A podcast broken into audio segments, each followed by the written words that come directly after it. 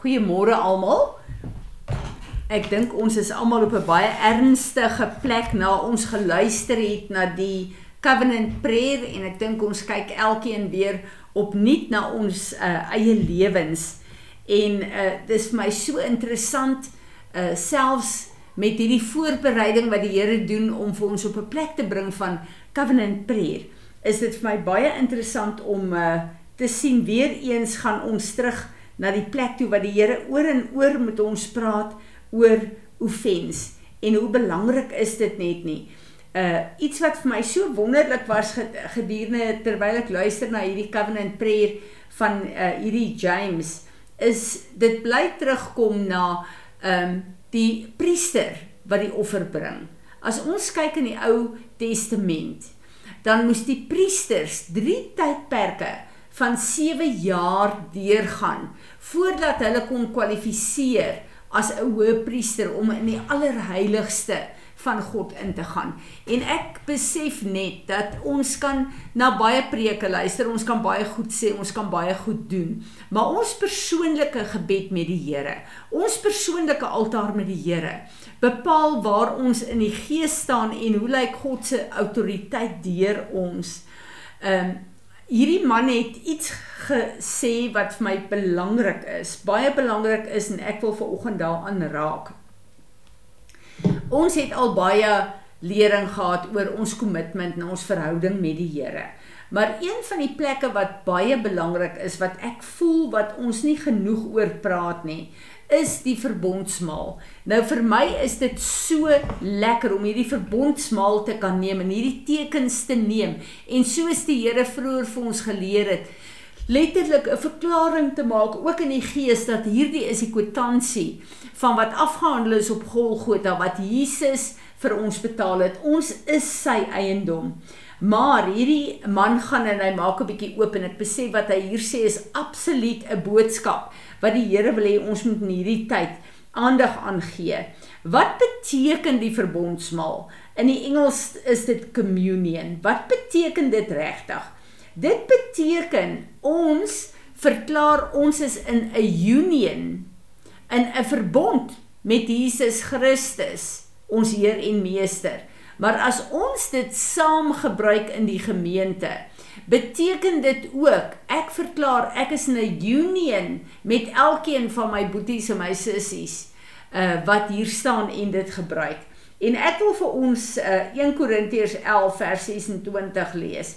For every time you eat this bread and drink this cup, you are representing and signifying and proclaiming the fact that the Lord's death uh the fact of the Lord's death until he comes again. So when you ever eat the bread and drink the cup of the Lord in a way that is unworthy of him, will be guilty of profaning and sinning against the body and the blood of the Lord. Let a man thoroughly examine himself, and only when he has done so should he eat of the bread and drink of the cup. For anyone who eats or drinks without discriminating and recognizing with due appreciation, that is Christ's body, eat brings a sentence, a verdict of judgment upon himself. That careless and unworthy participation is the reason many of you are weak and sick, and quite enough of you have fallen into sleep of death. For if we searchingly examine ourselves, detecting our shortcomings and recognizing our own condition, we should not be judged and penalty decreed by divine judgment. Ek besef hoe ernstig is hierdie woord wat die Here vir ons gee. Wanneer ek en jy na God toe kom, dan moet ek en jy as ons die verbondstekens neem, absoluut in 'n verbond. Dit wil sê in samestemming moet wees waarvoor Jesus alles gesterf het. Ek en jy kan nie in uh, in offens, in aanstoot en in onvergewensgesindheid met mekaar of met iemand wees en dan die tekens van versoening, van verbond op die kruis geniet nie. En net so kragtig as wat dit is om hierdie verbondstekens op te lig oor ons en ons gesinne en in die gemeenskap in die gemeente net so 'n belangrike krag as wat dit is kan dit ook 'n oordeel oor my en jou bring as ek en jy willens en wetens in 'n 'n 'n ver, verhouding met iemand is waar ons iemand nie vergewe nie of waar ons so aanstoot neem dat ons ons distansieer van daai persoon. En hierdie is so ernstig.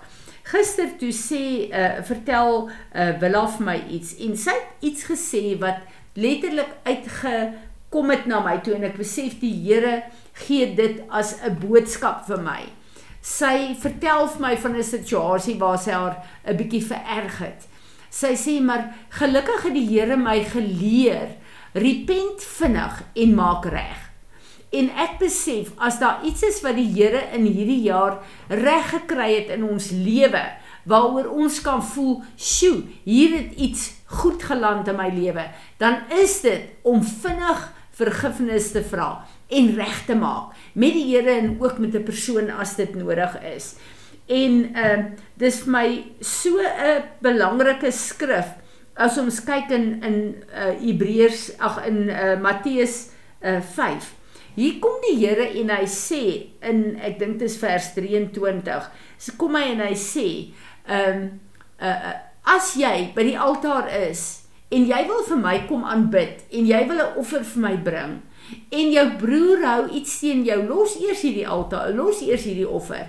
Die die offers is nie eens vir God so belangrik as wat jy eers moet gaan regmaak nie. Hoekom? Want wanneer jy 'n offer vir God bring, is jy in union met hom. Jy kan nie dan in disunion met jou broer wees nie. En wat vir my so interessant is, is dat ons lees altyd net 'n skrif in in 'n sekere konteks dan haal ons dit uit. Maar as jy die hele hier uh Matteus 5 gaan lees, dan kom ons op die plek uit van die Here sê As ek en jy wedergebore is, is ons die sout van die aarde. So ons gee geur van lewe vir mense met wie ons in aanraking kom. Maar bietjie verder sê hy ook julle is die lig van die wêreld. My lig gaan deur julle skyn. En weet julle, uh sout en lig albei is 'n afgehandelde werk. Ek en jy kan niks byvoeg by sout om dit meer sout te maak nie. Sout is sout. As 'n lig aangeskakel is, kan ek en jy dit nie helderder laat skyn nie. Die kragpunt en die die waar hy ingekoppel is, die kragbron bepaal die lig wat daar uit voortkom. So wanneer ek en jy uh, wedergebore is, dan is ons sout en ons is lig sonder dat ek en jy dit besef. Soos wat ons met die Here wandel, hoef ons nie sout te probeer wees vir ander mense nie. Ons hoef nie lig te probeer wees van ander mense nie. Ons is sout en ons is lig. Maar dan kom die Here 'n bietjie verder aan en sê: "Waarna ek en jy moet kyk. Ek en jy is sout en lig vir die wêreld as 'n getuienis." Nou ons staan in verhouding met mense deur ons hele hele lewe. Sommige mense kyk net na ons. Sommige mense uh, is ons getuienis voor. Sommige mense werk dalk vir ons. Sommige mense uh, is in ons vriendekring. Ander mense is deel van ons uh, familie, is deel van ons huisgesin. Uh die naaste verhouding wat ek en jy het is wanneer ons getroud is, die verhouding met ons huweliksmaat. Dis 'n verbondsverhouding. So, uh as ons kyk na die verhoudings, dan is dit vir God so belangrik want ek en jy moet hom verteenwoordig. As ons hom verteenwoordig, dan is ons sout en ons is lig vir mense hier op aarde. En dan kan ek en jy nie kom en ons kan in slegte verhouding met ander mense wees nie. Ons maak reg so ver as wat ons kan. Maar 'n belangrike ding wat ek aan wil raak, is hierdie ding van uh, communion common union met anders. En wat uh, Paulus hiervan praat, is dat as jy dit verkeerd uh drink en eet, dan bring jy 'n 'n 'n oordeel oor julleself en dit is hoekom baie van julle siek is en vroeg doodgaan. En ons hou nie daarvan om te kyk na hierdie skrif nie. Maar ek wil hierdie getuienis wat James gebring het, wil ek uh, met julle deel. Daar is 'n geestelike leier wat 'n beroerte gekry het en is toe verlam aan die een kant van haar haar liggaam. En 'n uh, uh, daar kom 'n besoekende ander uh, prediker na hulle toe. En hy kom en hy lê hande op haar en hy bid vir haar en toe hy klaar vir haar gebid is, toe is sy genees. En sy gaan na hom toe en sê wat het gebeur en hy sê daar's iemand wat se lewe nie reg is nie wat jou uh, uh, uh, hierdie beroerte uh, laat kry het en dis die gevolg daarvan.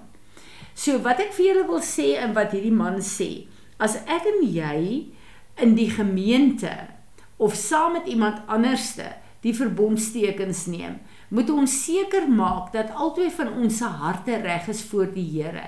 Ons moet ons harte ondersoek. Dis hoekom Paulus sê, kyk na wat in julle harte aangaan. As daar dan goed is wat jy eers moet uitsorteer, moenie die verbondsmaal doen nie. Want as jy sit met goed wat jy besluit het en ek praat nie van onwillekeurige goed wat ek en jy doen wat 'n uh, 'n uh, uh ons daagliks voor vergifnis vra en die Here vertrou om ons uit te vat nie. Ek praat van jy te besluit geneem om iemand nie te vergewe nie of 'n offens te lewe en jy hou onderhou daai sonde van jou in daai verhouding en jy breek daai verhouding af. Dit is wat ek bedoel. Wanneer ek en jy op 'n plek is waar ons besluit ons lewe in onvergifnis en in offens en ons neem dan die verbondsteken saam met iemand, moet jy weet dat uh, as daai persoon se lewe nie reg is nie, dan is jy ook in 'n verbond met sy verkeerde goed. En ek en jy moet versigtig wees daarvoor. So net soos wat ek die krag van die verbondstekens gebruik en geniet, weet ek daar's 'n plek wat ons versigtig moet wees om dit saam met ander mense te neem as jy nie seker is daai mense se lewe en harte is reg voor die Here nie. Ek wil Sondag so 'n bietjie daaroor praat ook want ek besef hier is belangrike goed wat die Here vir ons wys omdat hy ons na 'n nuwe plek van gebed toe vat en ons moet kyk na hierdie goed in ons lewe. Vader, Dankie vir u woord. Dankie vir die waarheid van u woord. Dankie Heilige Gees dat u vir ons kom leer en kom lei. Ek bid dat u vir ons die krag en die waarheid van die verbondstekens sal oopmaak, Here, en dat u ons sal bring op 'n nuwe vlak waar ons sal kyk na ons harte. En Here, waar ons u sal toelaat om ons harte te ondersoek want u woord sê ons hart bedrieg onsself. Maar Vader, ons wil reg staan met u. Ons wil graag op 'n plek wees waar u ons ons kan gebruik deur gebed en selfs deur covenant prayer soos en wanneer U ons gaan lei om dit te doen. Ek bid dat U verheerlik sal word in hierdie tyd deur dit wat U stuur om ons te verander en ons al meer en meer in U teenwoordigheid in te trek. Amen.